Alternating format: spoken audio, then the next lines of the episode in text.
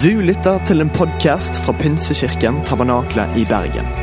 Vi tror at kirken skal være en plass hvor mennesker trives gjennom alle livets faser. En kirke for hele livet. Ønsker du å bli bedre kjent med oss eller holde deg oppdatert? Besøk vår Facebook-side eller ptb.no. Her er ukens tale.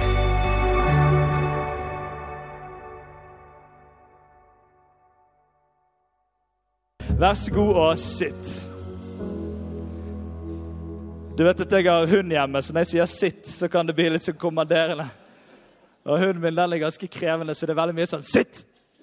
Så jeg konsentrerer meg veldig når jeg skal si sånn 'vær så god og sitt'. For det, kan komme litt naturlig ut sittende. Du er kommet inn i et uh, kristent fellesskap, pleier jeg å si. Pinsekirke Tabernakle. Dette er et fellesskap, og det kristne fellesskapet det har vært i lang tid. Det kalles det kristne fellesskapet fordi at uh, Fellesnevneren er at det er mange kristne her. Eh, men det har vært et fellesskap som har vært lenge. Og når Jesus kommer, så kommer han inn i et fellesskap som har vært helt fra tidenes start. Fellesskapet er ikke noe nytt, det var der, men Jesus treffer et fellesskap. Og så leser vi om Jesus når han treffer dette fellesskapet, at han rett og slett driver og bruker noen av de situasjonene som oppstår, som er bra, til å si dette er det gode fellesskapet. Og så møter han en del situasjoner som ikke er så bra, så sier han dette er ikke en del av det gode fellesskapet. Så på en måte så definerer definerer Jesus på nytt dette med å være fellesskap. Det må være et kristen fellesskap som er sammen. Og Vi skal sammen snakke de neste tre ukene om hvem vi er som kirke. Eh, og Jeg skal begynne i kveld å snakke om den delen som er fellesskap. Og Vi tror at Kirken er tre dimensjoner i hovedsak. Og Hvis du tar vekk en av dimensjonene, så vil jeg faktisk si at ikke det er kirke lenger. Fellesskap er den innoverdimensjonen som handler om at vi elsker hverandre. Ikke bare hverandre som er her, og ikke bare andre kristne, men alle mennesker. Vi er satt til å elske hverandre. Og så har du den utoverdelen som handler om å nå mennesker med verdens beste budskap. Vi tror at det er noe som er sant for oss, som er sant for alle, og så vil vi kjempe for det. Og så er det sånn at vi òg har denne delen som handler om oppover, som handler om at vi tilhører Gud. Vi er satt der til å være hans, og så tilber vi han. Og Jeg skal snakke om denne fellesskapsdelen litt. Og er på høygir. Merket dere det i starten? Ja, Det er deilig. Når man har hatt en hel sommer, så er man på høygir, og sånn skal det være. Um, jeg har lyst til å snakke om denne fellesskapsdelen gjennom en helt vanvittig fortelling i Bibelen, og den skal vi lese sammen nå. I Markus 2, kapittel 1-12. Noen dager senere kom Jesus igjen til Kapernaum, og det ble kjent at han var hjemme. Da samlet det seg mange, så mange at de ikke fikk plass, ikke engang utenfor døren. Mens han forkynte ordet for dem, kom de til ham med en som var lam. Det var fire mann som bar ham. Liker konkret informasjon. Men de kunne ikke komme fram til ham pga. trengselen. Derfor brøt de opp taket over stedet der han var, laget en åpning og firte ned båren som den lamme lå på. Da Jesus så deres tro, sa han til den lamme.: Sønn, sønn, syndene dine er tilgitt. Nå satt det noen skriftlærde der, det var de religiøse lederne på den tiden, og de tenkte med seg selv. Hvordan kan han si slikt? Han spotter Gud. Hvem andre kan tilgi synder enn én? Det er Gud. Straks visste Jesus i sin ånd at de tenkte slik, og han sa til dem.: Hvorfor går dere med slike tanker i hjertet? Hva er lettest å si til den lamme? Syndene dine er tilgitt? Eller ta, stå opp, ta båren din og gå? Men for at dere skal vite at menneskesønnen, altså Jesus sjøl, har makt på jorden til å tilgi synder, og nå vender han seg til den lamme, jeg sier dere, sier deg, stå opp, ta båren din og gå hjem. Gå hjem. Og mannen reiste seg, tok straks båren og gikk ut rett foran øynene på dem, så alle ble ute av seg av undring. De priste Gud og sa, noe slikt har vi aldri sett. Og jeg tror at når folk opplever det kristne fellesskapet for aller første gang, eller gjenoppdager det igjen, så tror jeg og håper på at det skal være litt den siste setningen som sies. At noe slikt har vi aldri sett. Og Jeg vet at det kan virke litt høy på pæra å skulle si at det kristne fellesskapet er noe helt unikt, men jeg har lyst til å bruke noen minutter med deg til å snakke om hva som er så unikt med dette fellesskapet. Og jeg håper og tror at du kan gjenoppdage dette, at noe sånt har vi faktisk aldri sett, eller at du kan få lov til å oppdage det for aller første første gang. Og Dette starter jo med disse fire mennene som bærer. Og når jeg kommer til himmelen, så skal jeg snakke med de og spørre hvordan var det der planleggingsmøtet når dere skulle bære han der lammekompisen til Jesus. Altså, jeg tenker at Det var litt sånn der eh, desperasjon, og nå bare gjør vi det, hopper av gårde. Og så er det sånn at det er litt kreativitet, for de møter motstand. og så ender opp der, og Det er samarbeid. og Det er liksom alt det jeg tenker at kirke egentlig. Jeg føler egentlig vi ser kirke i funksjon med disse fire menn og denne mannen som ligger oppe. Og det er mennesker som bærer andre mennesker fram til Jesus. Og de er litt desperate og nydelig kreative når de ødelegger et tak. Det var det litt andre tak på den tiden, eh, men eh, jeg hadde lettet med vinkesliper hvis jeg eh, hadde fått muligheten. All right. De bærer, du ser på en måte, Dette er akkurat som at det er Kirken i fusjon. Og er ikke det litt sånn det er å være kirke? da? At vi bærer sammen. At vi bærer mennesker fram til Jesus på så mange forskjellige måter. Ved det vi gjør og det vi er i fellesskapet, på så mange forskjellige måter, så er det egentlig det vi holder på med i det kristne fellesskapet. Bærer hverandre fram til Jesus. Altså de fire bærerne. Det er jo fem stykker som er med i denne fortellingen. Du har de fire bærerne, og så har du han som sitter på båren. Og så har du selvfølgelig Jesus òg. Vi kommer til han også.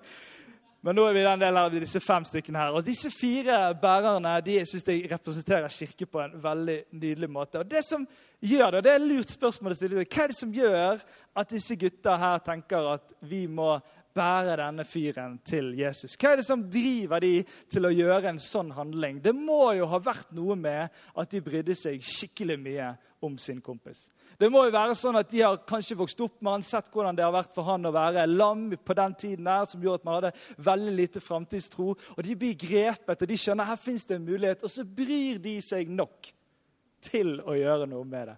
Og du vet at Hele verdenshistorien er preget av at kristne har brydd seg nok til å gjøre noe med det. Og Ut ifra Kirken så kommer hele helsesystemet vi lever i og har gleden av i dette landet. Hele skolesystemet. Det kommer så mange ting ut ifra at kristne har brydd seg nok til å faktisk gjøre noe med det. De bryr seg så mye at de klarer ikke å bare sitte der. De gjør noe. Og så tror jeg òg at de hadde hørt noe om Jesus. Så derfor så var det et eller annet som gjorde at de tenkte her må vi få denne fyren til Jesus. Noe av det mest utfordrende for fellesskapet, det er likegyldigheten. Det er når vi ikke bryr oss lenger. Når vi blir litt sånn care. Når vi tenker ja, ja, det får nå gå så det går. Eller sånn, sånn er det nå bare. Og så blir vi litt sånn likegyldige. Og Bibelen snakker om likegyldig på en litt sånn voldsom måte. når han snakker om Det og Det er bedre å være kald eller varm enn å være lunken i midten. Og Da er det liksom det positive å være varm, da er man liksom målet inn, og kald er man liksom imot. Og så er det så, til og med så av ham at det å være i midten og være litt sånn lunken det, det, er det aller verste. Det snakkes litt voldsomt om det. Men det sier noe om at likegyldigheten som liksom ligger i oss mennesker, noen ganger, den er utrolig utfordrende for fellesskapet som står sammen. Det blir ikke mange mennesker som blir båret til Jesus når likegyldigheten treffer oss. Og så er Det sånn at jeg merker at det ikke alltid like, det liker ikke å si at vi er likegyldige. Men det som jeg har funnet ut, og det er at veldig mange av oss, og det er av og til meg også, det er at man liksom bryr seg nok til at man akkurat slipper å gjøre noe.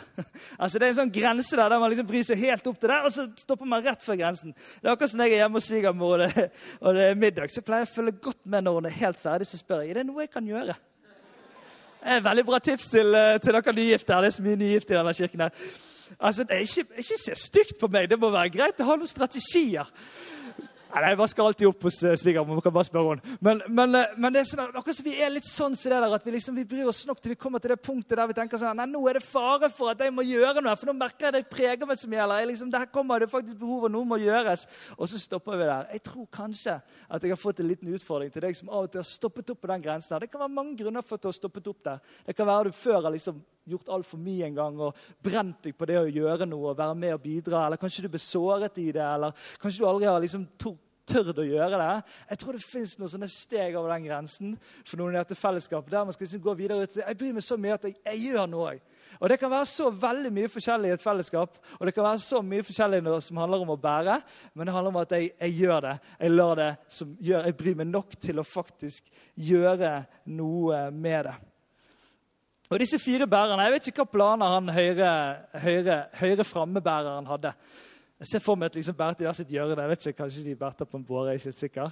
Eh, men jeg vet ikke hva planer han hadde den dagen. Om han liksom egentlig skulle gjøre noe annet. Og så ble det liksom en prat mellom vennene der, og så plutselig så Oi, oi, oi, vi må gjøre dette. vi må gjøre det. Jeg vet ikke hva planer han avlyste for å gjøre dette her. Men jeg, jeg skjønner at disse gutta de la vekk noe og så svettet de litt, og så ga de liksom litt mer enn bare liksom å, å, gå en liten sånn, De liksom bærte han av gårde. De la til side noe, og så gikk de, gikk de, på.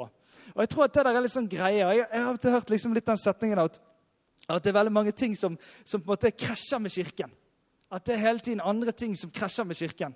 Uh, og, og, liksom, nei, nei, nå kan ikke jeg gå, nei, nå kom det i veien. Og så må vi kanskje snu litt på det. Hva er det som er utgangspunktet? For det, det er veldig lett for at ting krasjer hele tiden hvis ikke vi vet hva som er utgangspunktet. Det er alltid en eller annen idiotisk Premier League-kamp. sant? Søndag kveld. Jeg har eh, sagt det til dem, frivillig. Skrev mail til dem. Slutt med det tullet der. Ikke halv seks-kamper på søndagen.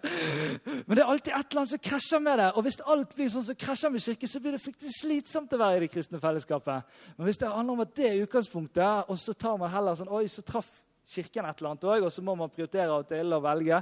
Men sånn er det bare. Men tenk på hva som er utgangspunktet. Det er akkurat som disse guttene liksom reiser seg med en gang og sier yes, vi vet hva vi vil, vi bryr oss nok, og vi bruker tid og krefter og svetter på for å bære denne fyren fram til Jesus.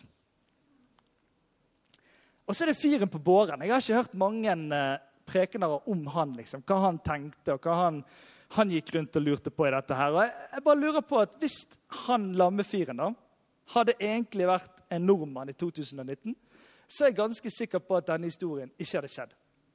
Ikke pga. bærerne, de er like gira fortsatt i 2019, tror jeg. Eller kanskje litt, ja, men, men jeg tror mest han her fyren på båren. For når kompisene rundt han, og det virker på Jesus som at det er kompisene tar initiativ For han sier, han sier 'deres tro', og så sier han at han kan uh, synde tilgitt. Det virker som at det er de som initiativet, men det kan virke som kanskje da, hvis han hadde vært en 2019-versjon av dette, så hadde han sagt sånn Nei, nei, nei, gutter. Har dere hørt den setningen? Nei, nei, nei. nei. Ikke en setning engang. Det, det er et norsk fenomen.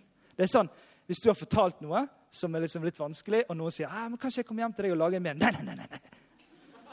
Kan noen ha sagt den setningen? Den er helt syk. Det Folk sier den hele tiden i Norge. Det er nesten som en sånn ekko rundt dere. Nei, nei, nei, nei. nei, nei, nei. nei. For vi er helt sånn allergiske mot å ta imot hjelp. Det er helt sykt. liksom. Jeg tror faktisk En av de største utfordringene for det kristne fellesskapet er ikke bærerne. Jeg tror det er ganske mange som sier ja, jeg vil bære, jeg vil gjøre jeg vil være med. Det er faktisk det å la seg bære? Hva er det for en stolthet som våkner i oss i Norge i 2019 som gjør at vi begynner å si nei, nei, nei, nei, nei, nei det, blir så mye styr. Og, og det, det, er så mange som kommer til å se det. Nei, nei, jeg klarer meg, det går fint dette her. Og så begynner man å bagatellisere noe som egentlig er vanskelig og som er utfordrende. Og her snakker vi om masse mye mer enn det å være lam. Sånn, ting som er vanskelig for oss, som er utfordrende. Og så begynner vi å si nei, og så blir det ikke denne fortellingen. For noen år siden så drev vi et uh, godhetsarbeid som vi kalte Love Riot. Det var enormt sånn driv i ungdomsarbeidet. Vi ville gjøre noe for byen og på forskjellige måter. Og begynte å ta kontakt med folk. liksom. Er det noe vi kan gjøre? Hadde noen annonser ute? Og spurte Bergen kommune. Det som gjorde at noe av det ebbet litt ut i sin intensivitet, det var at det var ingen som ville ta imot hjelp. Det var ingen som liksom kom med behovene. Vi visste at det var masse behov, men vi klarte det. Til og med i kirken så klarte ikke folk å ta den liksom, beskjeden av å si sånn, ja, ja, hjemme hos meg så har de ikke hatt ryddet i hagen på lenge fordi at, fordi at, jeg har vondt i ryggen og klarer ikke det. Man klarte ikke å ta det steget. Og nå har jeg lyst til å gi deg litt tid til en liten sånn selvrefleksjon. For Sist gang du på en eller annen måte fortalte noen eller hadde mulighet til å fortelle noen om noe som er vanskelig i livet ditt, og droppet og stoppet det, eller stoppet de av å kunne bære deg på en eller annen måte, hva er det som gjør det? Hva var det som gjorde at du stoppet det? Hva var din refleksjon der og da som gjorde at det stoppet opp? Og Nå blir det kleint stille i ett minutt for at du kan tenke på det.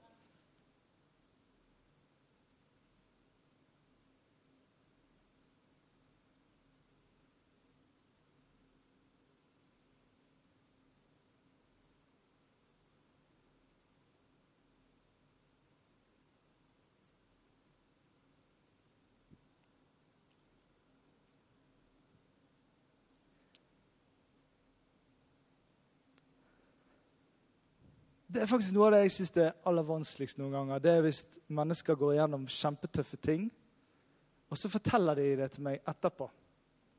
Og så har de frarøvet meg og andre muligheten til å være noe for dem i den perioden. Og Jeg har lyst til at du skal tenke på det litt sånn. At du frarøver andre muligheten til å få lov til å bære. Du vet at veien fra bæreplassen til båreplassen, den er utrolig kort. Og Noen ganger føler jeg lever en hverdag der jeg hopper opp og ned. Hopper opp og ned. Jeg var hjemme hos en dame som bærer meg, selv om hun egentlig ikke kan bære noen ting. Hun er full av kreft i kroppen sin, og det gjør meg vondt å snakke om det. Og så er jeg hjemme hos hun, og så skal jeg liksom komme der og be for hun Og sånn. Og så vet jeg at det blir ikke sånn at jeg bare ber for hun denne kvelden. Hun kommer til å be for meg. Hun kommer til å løfte meg opp med sin åndelige styrke når jeg er der hjemme sammen med henne. Altså Veien fra båre til bæreplassen er så kort, og den må være kort, folkens. Vi kan ikke være sånne som sier nei, nei, nei. nei, nei. Vi må være sånn som sier ja, tusen takk. Ja, kom hjem til meg alle sammen neste uke og lag middag til meg neste uke. Kom hjem, gjør, gjør, det. Ja, takk, jeg tar imot den hjelpen. Jeg skjønner at du har sett dette, og jeg deler dette, og du, du har tatt tar initiativ. Takk. Så er det lov å si nei hvis det bare ikke passer seg i det hele tatt. Det er ikke det jeg sier. Men la oss være sånne som sier ja. Jeg drømmer om at vi er et fellesskap som både tar initiativ til bæringen og blir båret. Eller båre, som jeg hørte noen rette meg på i formiddag. Bæring det er sterkt verb. Jeg skjønte ingenting. Men bært sier vi på norsk. Både ta initiativ til bæringen og bære noen, men òg å bli bært. Det tror jeg er det kristne fellesskapet på sitt aller, aller beste. Ikke la ting som du opplever som er vanskelig, bli i det skamfulle eller bare hos deg, men la andre få lov til å gå sammen med deg på en god måte i det. Det er det kristne fellesskapet på sitt beste. Kirken er til for og av de syke. Det er ikke sånn at noen liksom bare trenger eh, å, å, å, hjelpes, og så her er alle de andre som er friske og har det helt bra. Vi er syke, hele gjengen. Jeg skal, jeg skal forklare det mer etterpå. Men det er jo dette som er utgangspunktet for starten av kristenlivet. At vi bæres av Jesus. Altså Det er starten av hele kristenlivet, at Jesus tar oss fra en håpløs situasjon, og så bærer han oss opp til håp og liv og glede. Sant? Altså Vi burde vært eksperter på å bli båret. Vi vet jo hvordan det der greiene der er. Så la oss ikke da sette en sperre når det handler om at andre mennesker får bære oss. For det Gud virker gjennom fellesskapet og gjennom andre mennesker.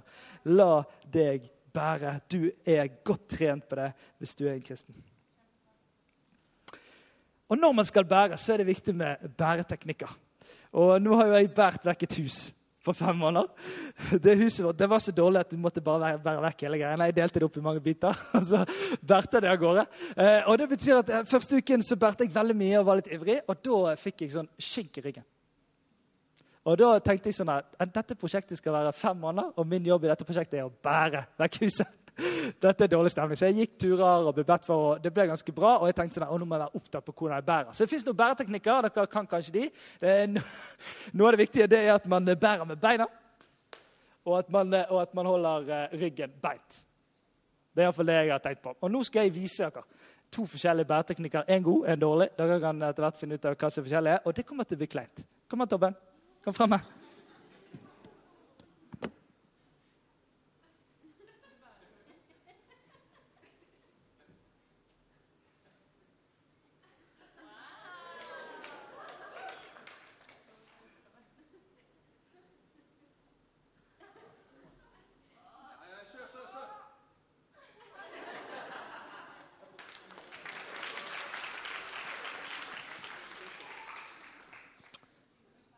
Alt handlet om avstanden til det du bærer. Får du det nært inntil kroppen, så er det mulig. Og det er det som er så utrolig viktig i forhold til det å skulle bære hverandre. Man må komme i posisjon for å kunne bære. Man må komme nært nok til at det blir naturlig at man kan bære, og at man faktisk klarer å bære. Og Nå er dette et stort fellesskap. Og Vi som kirke elsker dette store fellesskapet. Det er helt nydelig når vi er sammen så mange, og vi gleder oss sammen. Men det er veldig vanskelig å komme nært nok til faktisk kunne bære hverandre. Det er ganske vanskelig å få samtalene til å komme på det planet i et så stort fellesskap. Vi tror det skjer litt i katedralen, men vi tror at det er vanskelig at det dannes sånne nære relasjoner som er mulig til at man faktisk bærer hverandre.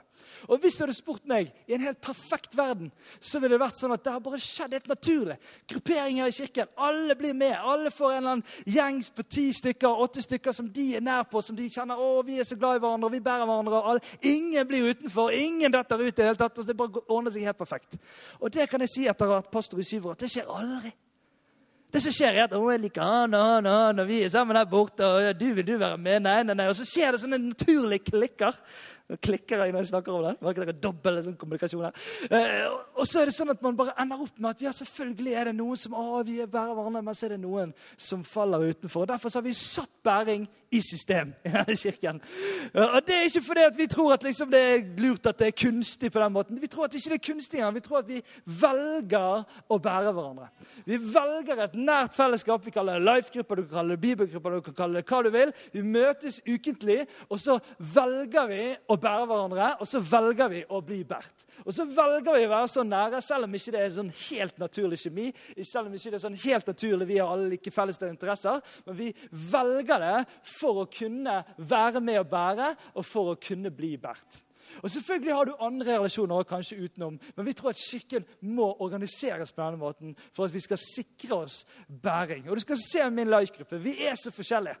Det er, helt, det er nesten morsomt hvor forskjellige vi er. Og det er helt nydelig, fordi vi velger å bære hverandre, og vi velger å bli båret av hverandre. Derfor har jeg så lyst til å si til deg at Skal det kristne fellesskapet sånn som kirke oppleves, så trenger man det mindre fellesskapet. Det er helt umulig at det store fellesskapet dekker det behovet et kristne fellesskap skal gjøre.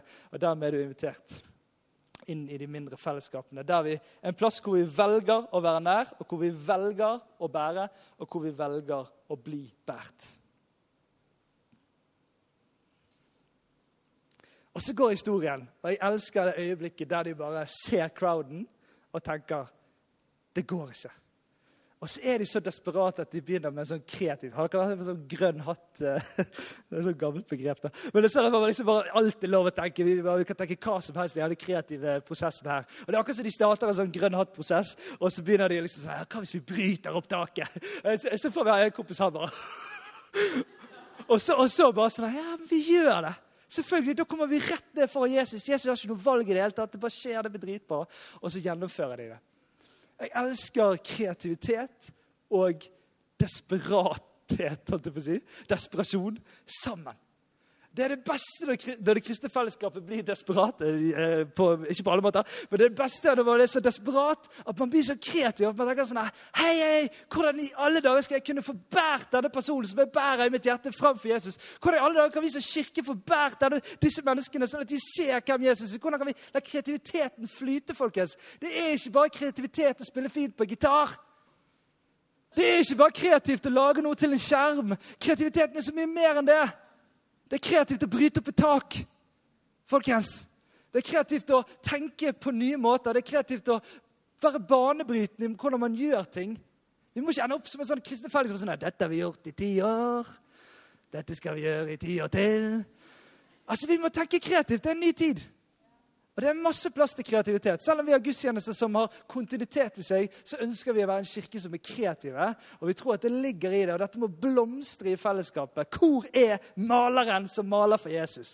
Hvor er liksom den som tenker at vi lager en bedriftsmodell som dekker et behov som trengs i denne byen? Hvor er disse innovasjonen og kreativiteten? Folkens, la oss våkne. Det ligger i oss fordi Gud er en skapende Gud. Han sier 'se, jeg gjør noe nytt'. Merker dere det ikke? Han er selvfølgelig skapende. Han har skapt meg og deg, og vi kan skape, og vi skal skape. La det komme ut. Bra. Skjønte dere det? der? Det er bra. Og så kommer dette øyeblikket, da. Når Jesus har en sånn Han har ganske mye sånn eh, blikkskifter i løpet av denne seansen. Og da er det sånn at Jesus sier da Jesus så deres tro, altså de bærerne sin tro, så sa han til den lamme sønnen syndene dine er tilgitt. Og du, folkens, Vi må ha tro for hverandre. Det kristne fellesskapet på sitt beste det har tro for hverandre.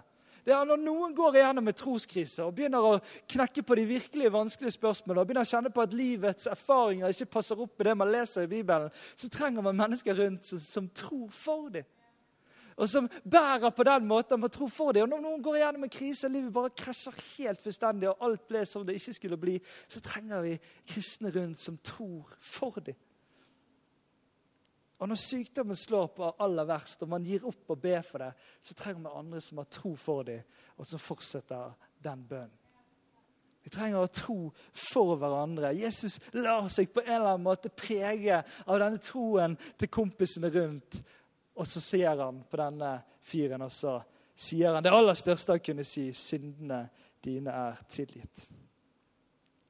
Og Jeg tror det kristne fellesskapet har opplevd noen par av disse tingene her, som handler om at man ønsker så gjerne å bære, og så blir det bare ikke helt sånn som det skulle være. Det er den bærefeilen av at man Når noen virkelig har gått på trynet, når noen virkelig har kjørt seg inn i et spor som ikke de skulle være i, og de vet det så godt sjøl, så har kristne hatt en tendens til å liksom ha så lyst til å si hvorfor de er der.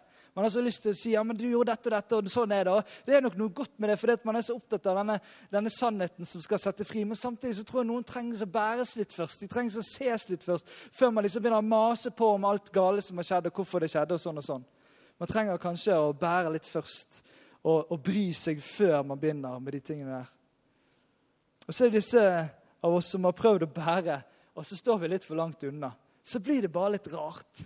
Så blir det bare mange ord og kanskje litt overfladiskhet og kanskje ikke helt ekte. av at ja, ja, ja, jeg skal tenke på deg, og jeg skal og til kan vi si denne setningen, jeg skal be for deg. og så, så, blir det litt sånn, Man er litt for langt unna, man klarer ikke helt å bære. og Man klarer iallfall ikke å bære lenge fordi man står så langt ifra den man bærer. Det er kristne som ender opp med å prøve å bære mer enn de egentlig klarer. Det er så mange skjebner, det er så mye, det er så mange mennesker, og man prøver og prøver, og så ender man opp med å egentlig til slutt sjøl trenge å bæres, og noen ganger kanskje aldri bære noen igjen. Der det er så viktig å finne igjen den bærekraftigheten, den rytmen som funker. Vi er så forskjellige i dette. Hvor mye ressurser, eller ikke ressurser, men hvor mye sånn type styrke vi har i oss, og hvordan livsfasen er, og hvordan ting ser ut. Vi må finne rytmen som varer. for det et kristne som bærer i ett år, er helt nydelig. Men kristne som bærer i et helt liv, det er jo helt vanvittig hva som kan skje. Ikke bli sånne som bare løp sykt et eller annet ett år eller to år, og så var det ikke bærekraftig. Finn den, og finn måten å ta vare på deg sjøl på. Og hopp oppå den båren så fort du får mulighet. Hvis vi ser på eh, gjengen til Jesus, som han har fått med seg, disiplene, så elsker jeg det at det bare roper ut at det er plass til alle. Hvis du gjør en liten sånn personsjekk på disippelgjengen, så er det en morsom gjeng. Det er en helt forskjellig type gjeng av mennesker som representerer liksom bredden av, av liksom hele røkla. holdt jeg på å si. Og Det er så nydelig, og det er noe jeg stoler mest på av å stå i tjeneste for Gud. Det er at det er helt vanlige mennesker det står om i som gjør helt ekstraordinære ting, men de helt vanlige folk som Jesus velger å bruke. Og Det er det som gjør så nydelig at det er plass til alle i det kristne fellesskapet. Det er fordi vi står helt på samme posisjon. Og det er det som er grunnen til at Jesus setter det at fyren skal bli frisk fra det å være lam i beina og det å bli tilgitt syndene opp mot hverandre. For å si Selvfølgelig er det større at vi kommer alle på samme posisjon, alle på samme utgangspunkt i det kristne fellesskapet av at noe er gjort for oss, og vi tar imot det.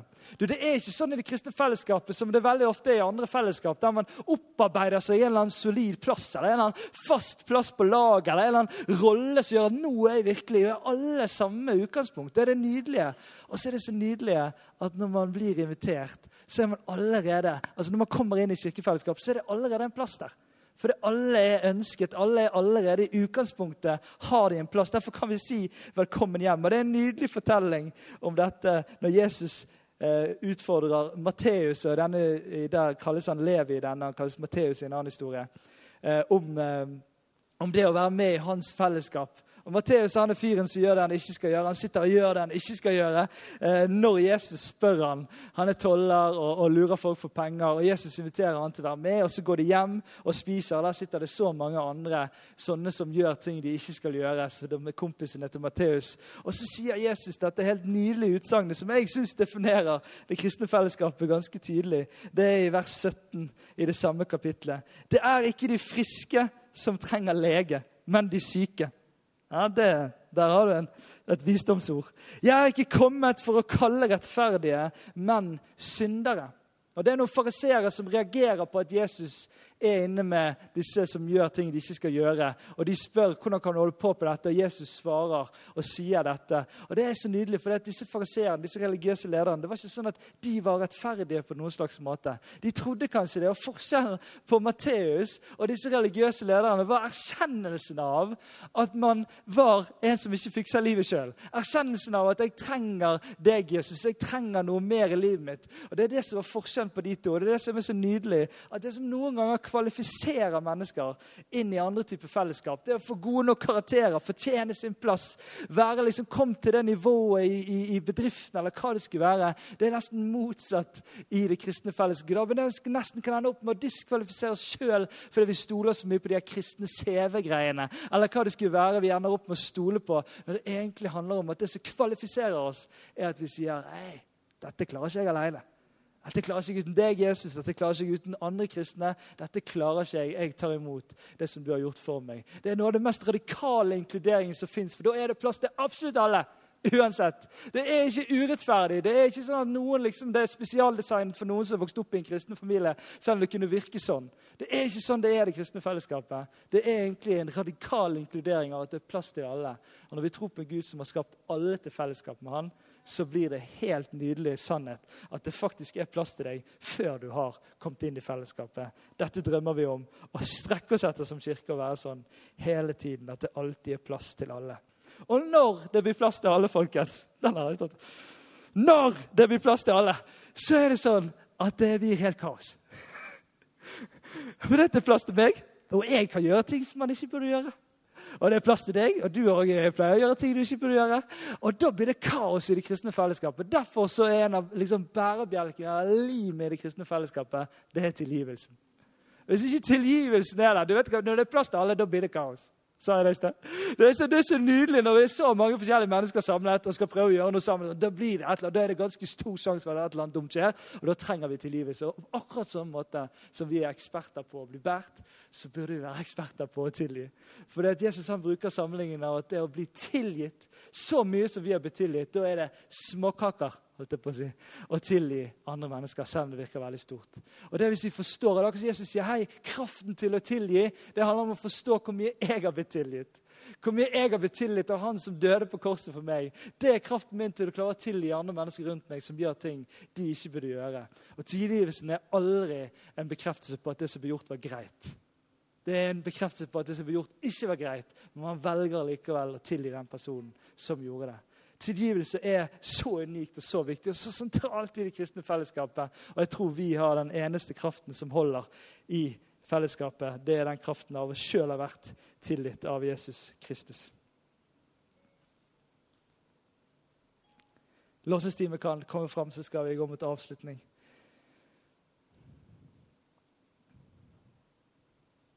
Det er et eller annet når fundamentet i fellesskapet er at alle er ønsket og at alle lever på tilgivelsesfundament, da er det så unikt inkluderende at jeg finner ikke noe lignende i vår verden. Har du lyst til å reise deg opp her på slutten?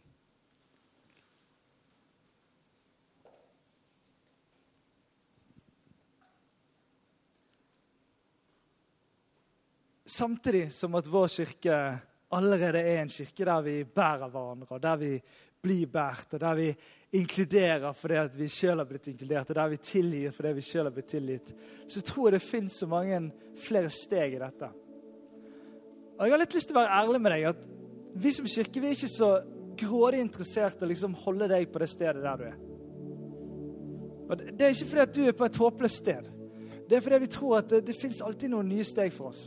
Og hvis en kirke skal bli så radikalt inkluderende som vi har snakket om nå, og hvis en kirke skal være bærende, og mennesker skal kunne bære og bli båret, så hjelper ikke det at en eller annen sier noe her framme og prøver å rope det ut, og så prøver man å liksom nikke til det og sånn. Da handler det om at enkeltpersoner velger i sitt eget liv å ta noen nye steg på dette, sånn at det oppleves. Sånn at det oppleves av mennesker som kommer inn i fellesskapet vårt. Og jeg har lyst til å være sånn ærlig med at vi, vi har kommet til å utfordre denne høsten på å ta steg kommer til å utfordre på å ta nye steg sammen med Jesus. Og Det er det nydeligste når vi utfordrer i det kristne fellesskapet, er at vi står på utgangspunktet at vi er elsket. Vi er gode nok. Det er ikke liksom det der det går. Det er ikke noe sånn her eh, å, å fortjene noe greier. Men det handler om at vi får lov til å vokse videre. Det er helt naturlig i fellesskap med Jesus. Og Derfor har jeg lyst til å utfordre deg til å ta noen runder, til å gå noen runder på hvordan kan jeg vokse i dette. Kanskje noen av dere trenger å tenke sånn Hvor er det jeg kan bære litt mer? Kanskje det er noen av dere som trenger å tenke at når burde jeg satt meg oppå denne båren? Og Når noen av dere trenger å tenke hva med det kan inkludere og dra inn i fellesskapet? Og så vet vi at vi alltid jobber med ting som der vi trenger å tilgi og be om tilgivelse. Jeg har lyst til å utfordre deg til å ta noen steg denne høsten her, til å gå inn i denne vandringen. Det er akkurat når Jesus spør Matteus følg meg, så sier Jesus til Matteus hei, bli sittende der i stolen din i tollerboden og bli værende der, og så, og så, ser vi hva som skjer. Han sier kom, følg meg, gå sammen med meg, gå etter meg, gå stegene med meg videre, videre inn i livet. Og så er det sannsynligvis den samme Matteus som skriver Matteus evangelium, eh, og som blir en av de skikkelsene som får være med og formidle dette budskapet på en helt unik måte. La oss gå disse stegene sammen. Og la oss bli det kristne fellesskapet mer og mer som vi tror på. Og det har vi mulighet til sammen. La oss be. Takk, Herre, for at du er den som bærer oss først. Takk, Herre, for at det har alt å si hvem vi bærer mennesker til. Takk for at det er du som definerer vårt fellesskap. Det er du som avgjør det med å være den du er. Med det du har gjort for oss, og den du er for oss nå. Jeg bare ber om at vi sammen som fellesskap kan være et sånn bærende fellesskap som er nært nok hverandre fordi du leder oss til hverandre. På tross av ulikheter, på tross av forskjeller, så bærer du oss sammen i troen på deg, Jesus. For når du står i midten, så dras vi mot deg sammen og nærmere hverandre og nærmere deg. Og Jeg ber, Herre, om at du må lede oss til å ta nye steg i dette. Herre, jeg ber for den som har definert seg som en som bare kan sitte på båren. Takk, Jesus, for at sånn er det ikke kan du komme med dine sannhetens ord i den personen og si du skal bære. Du skal få lov til å kunne være med og bære på forskjellige måter. Så ber jeg for de som har definert seg som bærer så sterkt at når livet krasjer på en eller annen måte, så klarer man ikke å be om hjelp. Herre, jeg ber om myke hjerter. Herre, jeg ber om stolthet som, som får forsvinne, eller grenser vi har lagd for oss sjøl i dette, som får lov til å, å, å brytes, Herre, i ditt navn, Jesus. Herre, jeg ber om at vi mer og mer skal forbi det fellesskapet du har satt oss til å være sammen. Og takk, Jesus, for alltid nye sjanser. Takk, Jesus, for at du gir oss nye sjanser når vi dummer oss ut, Herre. Når vi tryner, når vi bærer, og hva det skulle være, Herre. Du gir alltid nye sjanser. Du er nye sjanser, kongen. Takk, Jesus. Må du hjelpe oss til å inkludere på den måten som du inkluderte.